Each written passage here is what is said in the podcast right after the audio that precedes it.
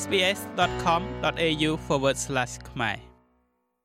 លោកស្រីមូសុខហួរមេដឹកនាំមួយរូបនៅក្នុងគណៈបកសង្គ្រោះជាតិដែលត្រូវបានតុលាការខ្មែរសម្រេចរំលាយកាលពីថ្ងៃទី16ខែវិច្ឆិកាឆ្នាំ2017ហើយក្រោយមកលោកស្រីនិងមេដឹកនាំជាច្រើនរូបទៀតក៏ត្រូវបានចោទប្រកាន់ពីបទក្បត់ជាតិនិងរួមគំនិតក្បត់ដើម្បីផ្ដួលរំលំរដ្ឋាភិបាលកម្ពុជាផងនោះ បច្ចុប្បន្នលោកស្រីកំពុងតែមានវត្តមាននៅក្នុងប្រទេសអូស្ត្រាលី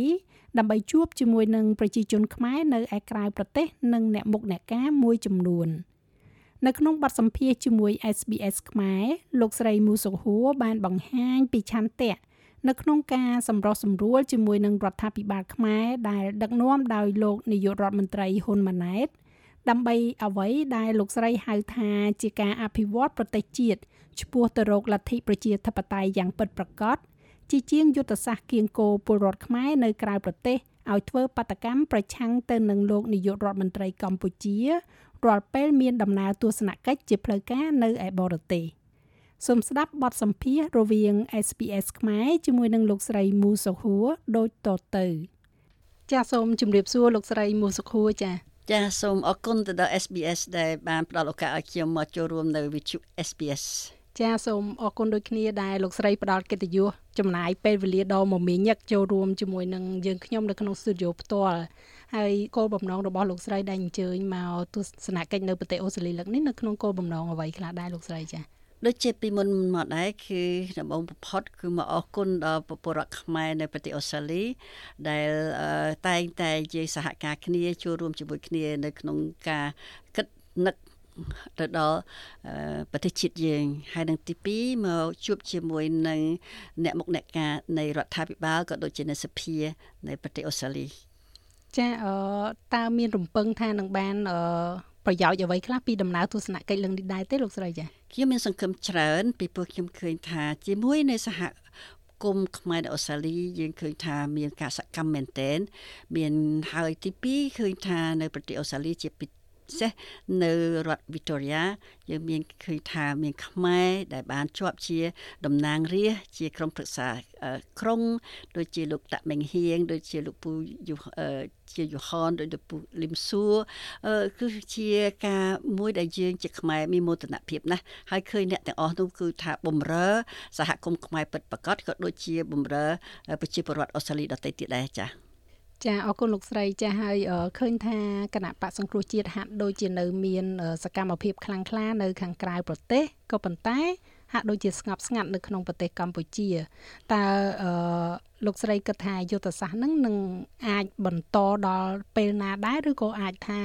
ចង់ផ្លាស់ប្ដូរយុទ្ធសាស្ត្រដើម្បីបង្កើនសកម្មភាពនៅក្នុងស្រុកឬក៏យ៉ាងណាខ្លះដែរលោកស្រីចា អរគុណតែសំណួរនេះសំខាន់សំណួរនេះអនុញ្ញាតឲ្យមីងមកបញ្ជាក់ថា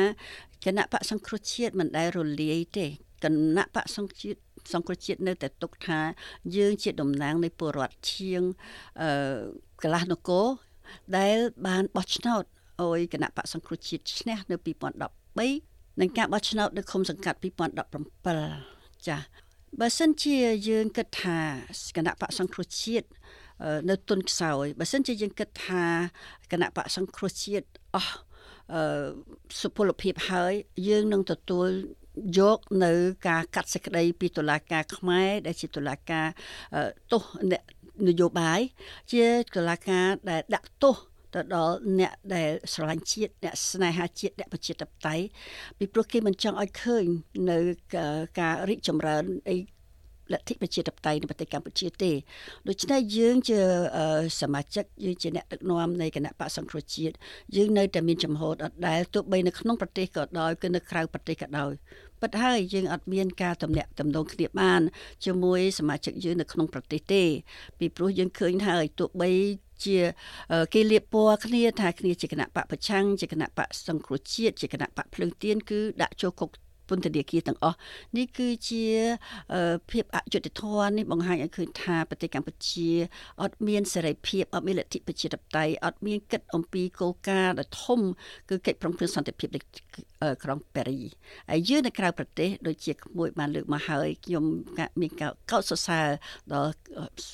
សាខាយើងនៅអូស្ត្រាលីក៏ដូចជាខ្ញុំក៏ទើបតែមកពី New Zealand ដែរខ្ញុំក៏ទើបតែមកពីប្រទេសកូរ៉េដែរហើយខ្ញុំនឹងទៅជាពន្ធទៀតខ្ញុំឃើញថាសាខានៃគណៈបកសង្គ្រោះជាតិនៅរស់រវើកនៅខ្លាំងក្លាដោយសារយើងមានគោលការណ៍ច្បាស់ថាយើងតស៊ូយើងមានបេសកកម្មច្បាស់គឺយើងបេសកកម្មយើងគឺ ឈានទៅមុខជានិច្ចដើម្បីលើកស្ទួយឲ្យមានលទ្ធិប្រជាធិបតេយ្យលើកស្ទួយឲ្យមានយុត្តិធម៌លើកស្ទួយឲ្យប្រទេសកម្ពុជាជាប្រទេសឯកឯករាជ្យពិតប្រាកដដូច្នេះចំពោះការដឹកនាំក្រោមរាជរដ្ឋាភិបាលថ្មីដែលដឹកនាំដោយលោកហ៊ុនម៉ាណែតតើលោកស្រីយល់ឃើញយ៉ាងណាដែរតើលោកស្រីគិតថាជាមួយនឹងរដ្ឋាភិបាលថ្មីនេះតើអាចនឹងមានការចរចាសម្រុះសម្រួលគ្នាដើម្បីឲ្យមេដឹកនាំសំខាន់សំខាន់អាចវិលត្រឡប់ចូលទៅធ្វើនយោបាយនៅក្នុងប្រទេសកម្ពុជាវិញដែរឬទេលោកស្រីចា៎ ខ្ញុំយល់ឃើញថាទោះបីជាលោកហ៊ុនម៉ាណែតជាអ្នកដឹកនាំប្រទេសណាអឺប្រហែលជាជាង100ថ្ងៃក៏ដោយក៏យើងឃើញថាលោកហ៊ុនម៉ាណែតលោកបានធ្វើសេចក្តីថ្លែងការណ៍មានការរៀបចំឲ្យមានគោលការណ៍មានការកែតម្រង់យើងយើងអបអរសាទរ ណាយើងអបអរសាទរនៅក្នុងការអ្វីដែលធ្វើទៅវាជាវិជ្ជមានតែជាមួយគ្នានេះដែរយើងមានការព្រួយបារម្ភពីព្រោះនៅតែមានការចាប់ចងប្រជាពលរដ្ឋនៅតែមានតុលាការមិនឯករាជ្យដែលធ្វើឲ្យប្រជាពលរដ្ឋលោកយំស្រែកយើងឃើញថានៅតែមានការអឺចន្លះមកដោយបង្ខំនៃពលរដ្ឋឧទាហរណ៍នៅតំបន់តំបន់អង្គរវត្ត ដូចជាលោកសុនឆៃយើងស្គាល់ហើយលោកសុនឆៃជានរណាជាហើយជាសញ្ជាតិអូស្ត្រាលីផង ដាក់រហូតដល់ប្តឹងគាត់ដាក់រហូតទៅដល់ឲ្យគាត់បង់1លានដុល្លារគាត់សុកចិត្តបង់1លានដុល្លារហ្នឹងសូមឲ្យឱកាសគាត់បង់ផងនេះគាត់ជាអ្នកនយោបាយសម្រាប់គាត់តាមសេដ្ឋកិច្ច សម្រាប់គាត់តាមនយោបាយហើយអត់គ្រប់គ្រាន់សម្រាប់គាត់តាមសេដ្ឋកិច្ចទៀតឥឡូវចូលទៅដល់អង្គការសង្គមស៊ីវិលហើយកន្លែងហ្នឹងលោកហ៊ុនម៉ាណែតគាត់ធ្លាប់បានទទួលការអប់រំដ៏ខ្ពង់ខ្ពស់ពីប្រទេសដែលមានសេរីភាពមានលទ្ធិប្រជាធិបតេយ្យនៅសហរដ្ឋអាមេរិកគាត់អញ្ជើញទៅរៀនទៅដល់អង់គ្លេសនៅប្រទេសដទៃទៀតគួរតែគាត់យល់ ថាវាមិនដែលវាមិនដែលថាយើងមានការចាប់ចងដាក់ពន្ធនាគារផងឲ្យជក់ឲ្យសងលុយស្រេចតែតុលាការថានោះវាមិនត្រឹមត្រូវទេនេះមិនមែនឈានទៅរកការផ្សះផ្សាជាតិទេនេះមិនមែនជាឈានទៅការដឹកនាំប្រទេសកម្ពុជាមួយឲ្យទៅលើឆាកអន្តរជាតិដែលអាចចាកផុតពីការថ្កោលទោសពីអន្តរជាតិដោយសារមានការរំលោភសិទ្ធិមនុស្សធ្ងន់ធ្ងរណាស់ ជានិច្ចកាលយើងតែងតែអំពាវនាវយើងបង្ហាញនៅឆន្ទៈរបស់យើង នៅក្នុងការដែលយើងជាខ្មែរទាំងអស់គ្នា យើងត្រូវតែជជែកគ្នាទោះបីនៅសភាពការយ៉ាងណាក៏ដោយដំណោះស្រាយសម្រាប់ជាតិគឺការជជែកការចរចាការសន្ទនាហើយយើងបង្ហាញឲ្យតែថាយើងមានបុគ្គលបំណងដើម្បីប្រទេសជាតិយើងទាំងអស់គ្នាដូចគ្នាបើមិនជា គោលបំណងដូចគ្នាយើងជជែកគ្នានៅលើតុចោះក៏ប៉ុន្តែនៅក្នុងគោលបំណងដូចគ្នានេះរបៀបរក្សាប្រទេសជាតិនិងវិធីសាស្ត្រនិងគោលការណ៍គោលនយោបាយវាអាចខុសពីគ្នាវាប្លែកពីគ្នាឧទាហរណ៍គណៈបកសង្គ្រោះជាតិបាសណាគឺការពារលទ្ធិប្រជាធិបតេយ្យមានន័យថាការពារសិទ្ធិសេរីភាពនៃពលរដ្ឋការពារឲ្យពលរដ្ឋមានសិទ្ធិនៅក្នុងការបញ្ចេញមតិឧទាហរណ៍បើសិនជាពលរដ្ឋយើងបាត់បង់ដីធ្លីដោយភាពអយុត្តិធម៌បំផុត ហើយបើសិនជាលោកហ៊ានបញ្ចេញមតិជាប់ចូលពន្ធនាគារនេះយើងមិនគិតថានេះគឺជាគោលការណ៍ល្អសម្រាប់ឲ្យប្រទេសកម្ពុជាជឿនលឿននិងអភិវឌ្ឍទៅមុខដូចជាប្រទេសនៅជិតខាងយើងទេមួយទៀត ដូចជាវិស័យអប់រំដូចជាវិស័យសុខាភិបាល យើងគិតថាកម្រិតនៃវិស័យអប់រំនិងសុខាភិបាលនេះ គឺជាកម្រិតដែល ត្រូវតែមានគុណភាពខ្ពស់ណាស់ពីព្រោះយើងចេញពីកិច្ចព្រមព្រៀងទីក្រុងប៉ារីយើងមានសន្តិភាពអរិយៈពេលជាង30ឆ្នាំនឹកមកហើយប៉ុន្តែបើយើងមើលគុណភាពនៃវិស័យអប់រំគុណភាពនៃវិស័យសុខាភិបាល នៅទៀបទៀបមែនតែន អញ្ចឹងហើយបានយើងឃើញថាយើងមកជជែកគ្នាបានតើយើងធ្វើជាតិយើងឲ្យបានរស់ឡើងវិញដោយរបៀបណា មិនមែនដោយការប្រឆាំងគ្នារហូតទៅដល់សម្រាប់គ្នាបង្ហូរឈាមទេរឿងនឹងចប់អស់ហើយយើងត្រូវជជែកគ្នាលើគោលការណ៍ដោយសន្តិវិធីដោយមិនយកតុលាការយកមកដាក់សម្ពាធឲ្យយើងជាប់ទោសខ្ញុំជាប់ទោសរហូតដល់42ឆ្នាំលោកប្រធានស្ដីទីសំរងស៊ីមួយជីវិត ហើយលោកកឹមសុខាលោកប្រធានកឹមសុខា27ឆ្នាំ ដោយអត់មានយុទ្ធធរដោយអត់មានផុសតាងអីទាត់តែសោះរហូតដល់ពេលនេះ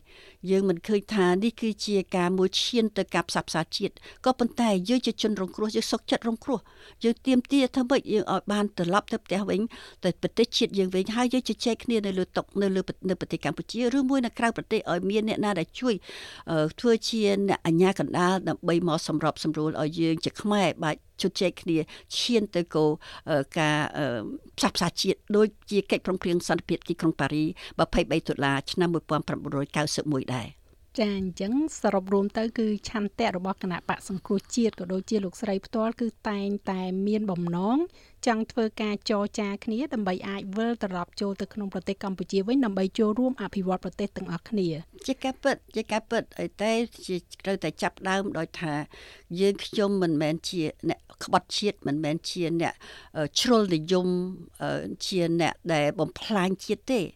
ចាបើសិនជាអញ្ចឹងមែនហេតុអ្វីបានជាពលរដ្ឋបោះឆ្នោតឲ្យយើងជាងពាក់កណ្ដាលនគរហើយដឹកឆ្នាំ2022ថ្មីថ្មីនេះបោះឆ្នោតឃុំសង្កាត់នេះគឺគេបោះឆ្នោតឲ្យភ្លើងទៀនភ្លើងទៀនជានិមិត្តរូបនៃអ្នកប្រជាធិបតេយ្យជានិមិត្តរូបនៃសង្គ្រោះជាតិដែរហេតុអីពលរដ្ឋនៅតែទៀមទាឲ្យបានមានការបោះឆ្នោតដោយមានភ្លើងទៀនចូលរួមអញ្ចឹងយើងបង្ហាញឲ្យឃើញថាការអ្នកដែលត្រូវ វិនិច្ឆ័យយើងខ្ញុំគឺប្រជាពលរដ្ឋប្រជាពលរដ្ឋមិនដែលវិនិច្ឆ័យឲ្យយើងខ្ញុំជាជនក្បត់ជាតិទេចាដូច្នេះលោកស្រីយល់ឃើញថាតើអ្វីជាដំណោះស្រាយដ៏ល្អនៅក្នុងស្ថានភាពនេះចាចាខ្ញុំយល់ឃើញថាបើយើងនិយាយអំពីការផ្សះផ្សាជាតិមានន័យថាជាតិនឹងគឺទាំងអស់គ្នា ខ្មែរទាំង17លាន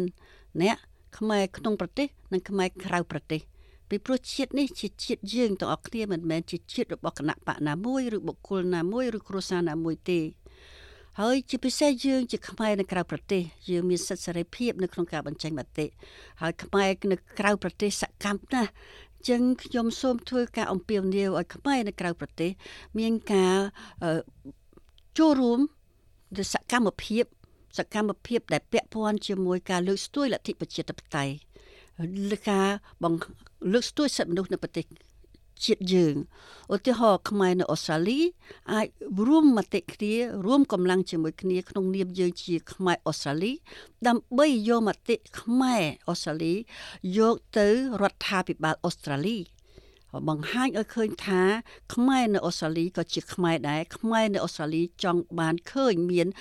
ការបោះឆ្នោតដោយសេរីនិងត្រឹមត្រូវនៅយុត្តិធម៌ ដូចជាខ្មែរនៅអូស្ត្រាលីនៅថ្ងៃទី2ខែ3ខាងមុខនេះនឹងធ្វើការបង្ហាញនៅឆន្ទៈរបស់ខ្លួនគឺពេលដែលលោកហ៊ុនម៉ាណែតអញ្ជើញមកនេះ លោកហ៊ុនម៉ាណែតគាត់អញ្ជើញទៅណាក៏មានការបង្ខ្មែរនៅក្រៅប្រទេសធ្វើបាតកម្មដោយអហិង្សា ក្នុងការធ្វើបាតកម្មនេះគឺជាសាររបស់ពលរដ្ឋខ្មែរនៅក្រៅប្រទេសហើយសារយើងនិយាយអំពីអីសារយើងនិយាយអំពីការដោះលែងអ្នកទោសនយោបាយសារយើងនិយាយអំពីការបោះឆ្នោតឲ្យសេរីត្រឹមត្រូវនៅយុត្តិធម៌អាសាយើងនិយាយអំពីបំបត្តិអំពើពុករលួយ នេះគឺជាសាររបស់យើងនៅក្រៅប្រទេស ក្រៅប្រទេស ដែលវាពាក់ព័ន្ធជាមួយបញ្ហានៅក្នុងប្រទេសអញ្ចឹងយើងដែលនៅក្រៅប្រទេសហើយយើងរស់ដោយសុខសប្បាយដោយមានសេរីភាពហើយហេតុអីបានជាយើងនៅតែមានការកង្វល់ហើយយើងចង់ជួបលោកហ៊ុនម៉ាណែតតែជួបនៅក្នុងការដោះស្រាយជាមួយគ្នាយើងមិនចង់បាតកម្មហើយនឹងមានការទាស់ ប្រកែកគ្នារបៀបនេះទេ យើងចង់ឲ្យមានការមានដំណោះស្រាយចាហើយខ្ញុំយល់ឃើញថាសារទាំងឡាយដែលដាក់នៅក្នុងពេលធ្វើបាតកម្មនេះខ្ញុំជឿជាក់ថាលោកហ៊ុនម៉ាណែតឃើញ ហើយយើងគួរតែហើយខ្ញុំយល់ឃើញថានៅពេលណាមួយ យើងនឹងបញ្ចប់នៅការធ្វើបាតុកម្មយើងនឹងចូលនៅក្នុងលើតុជជែកគ្នាជាមួយគ្នាហើយខ្ញុំមិនចង់ឲ្យឃើញថាពេលណាលោកហ៊ុនម៉ាណែតអញ្ជើញទៅណាមកណា ខ្មែរនៅក្នុងនៅប្រទេសនោះ មានការភ័យខ្លាចមានការអ្នកខ្លះទៅខាងនេះទៅអ្នកខ្លះទៅខាងនោះទៅយើងមិនចង់ឃើញអញ្ចឹង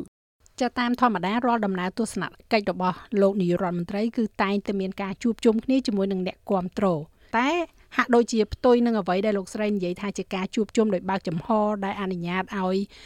ប្រជាជនខ្មែររស់នៅក្រៅប្រទេសនឹងបង្ហាញអំពីទុកសោកឬក៏ការព្រួយបារម្ភរបស់ខ្លួនទៅវិញនោះចាដូច្នេះលោកហ៊ុនម៉ាណែតគាត់អញ្ជើញមកមិនមែនគាត់អញ្ជើញមកក្នុងនាមគាត់ជាអនុប្រធាននៃគណៈបកប្រជាជនណា គាត់អញ្ជើញមកក្នុងនាមគាត់ជាប្រមុខនៃរដ្ឋាភិបាលណាអញ្ចឹងយើងគួរមិនគួរថាគាត់អញ្ជើញមកហើយទៅជួបអ្នកគ្រប់គ្រងទេគាត់អ្នកគ្រប់គ្រងគ្រប់គ្រងអ្នកណាគ្រប់គ្រងគណៈបកប្រជាជនអញ្ចឹងគាត់មកតំណាងឲ្យគណៈបកប្រជាជនឬមួយក៏គាត់មកតំណាងនៃព្រះរាជាណាចក្រកម្ពុជា នៃប្រទេសកម្ពុជាទាំងមូលអញ្ចឹងមិនមែននិយាយអំពីការជួបជាមួយអ្នកគ្រប់គ្រងទេទៅជួបជាមួយនឹងពលរដ្ឋខ្មែរនៅក្នុងរដ្ឋធម្មនុញ្ញជាតិយើងណាគឺខ្មែរក្នុងប្រទេសនិងក្រៅប្រទេសជាខ្មែរដូចគ្នាមានសិទ្ធិស្មើគ្នាដែលត្រូវមានការការពារពីរដ្ឋាភិបាល អញ្ចឹងលោកហ៊ុនម៉ាណែតអញ្ជើញទៅណាក៏ដោយគួរតែជួបជាមួយនឹងខ្មែរនៅក្នុងប្រទេសនោះឥឡូវលោកហ៊ុនម៉ាណែតនឹងអញ្ជើញមកដល់ Melbourne នៅដើមខែមីនានឹងហើយហើយអញ្ចឹងនៅសហគមន៍ខ្មែរនៅ Melbourne មានច្រើនណាស់សកម្មណាស់សូមមែនតើគួរតែជួបគ្នា គួរតែខាងលោកហ៊ុនម៉ាណែតក្តីទាំងសហគមន៍ក្តីនិយាយថាសូមជួបគ្នាសូមជជែកគ្នាបើសិនជាយើងមិនចង់ឲ្យគណៈបកនយោបាយហើយរឿងនេះមិនមែនគួរជារឿងគណៈបកនយោបាយនិងគណៈបកនយោបាយទេពីព្រោះលោកហ៊ុនម៉ាណែតអញ្ជើញមកក្នុងនាមគាត់ជាតំណាងនៃប្រទេសចាដូច្នេះនៅក្នុងប្រទេសនឹងមានពលរដ្ឋរបស់យើងដូច្នេះយើងគួរតែជួប ទាំងសងខាងមិនមែនជួបតែម្ខាងហើយខ្ញុំជឿជាក់ថាបើសិនជាមានការបង្ហាញថាលោកហ៊ុនម៉ាណែតចង់ជួបជាមួយខ្មែរទាំងអស់គ្នានៅសហគមន៍យើងណាជាវេទិកាមួយឲ្យបានចូលជជែកគ្នា មិនមែនជាវេទិកាដែលនិយាយអំពីការពារសមត្ថផលរបស់ឪពុកគាត់ណាយើងនិយាយអំពីការលំបាកជាការពិតនៅក្នុងប្រទេសកម្ពុជាខ្ញុំជឿជាក់ថាយើងនឹងមានដំណោះស្រាយអញ្ចឹងខ្ញុំជឿថា មិនមែនជារឿងរវាងគណៈបកនិងគណៈបកទេខ្ញុំថាជារឿងរវាង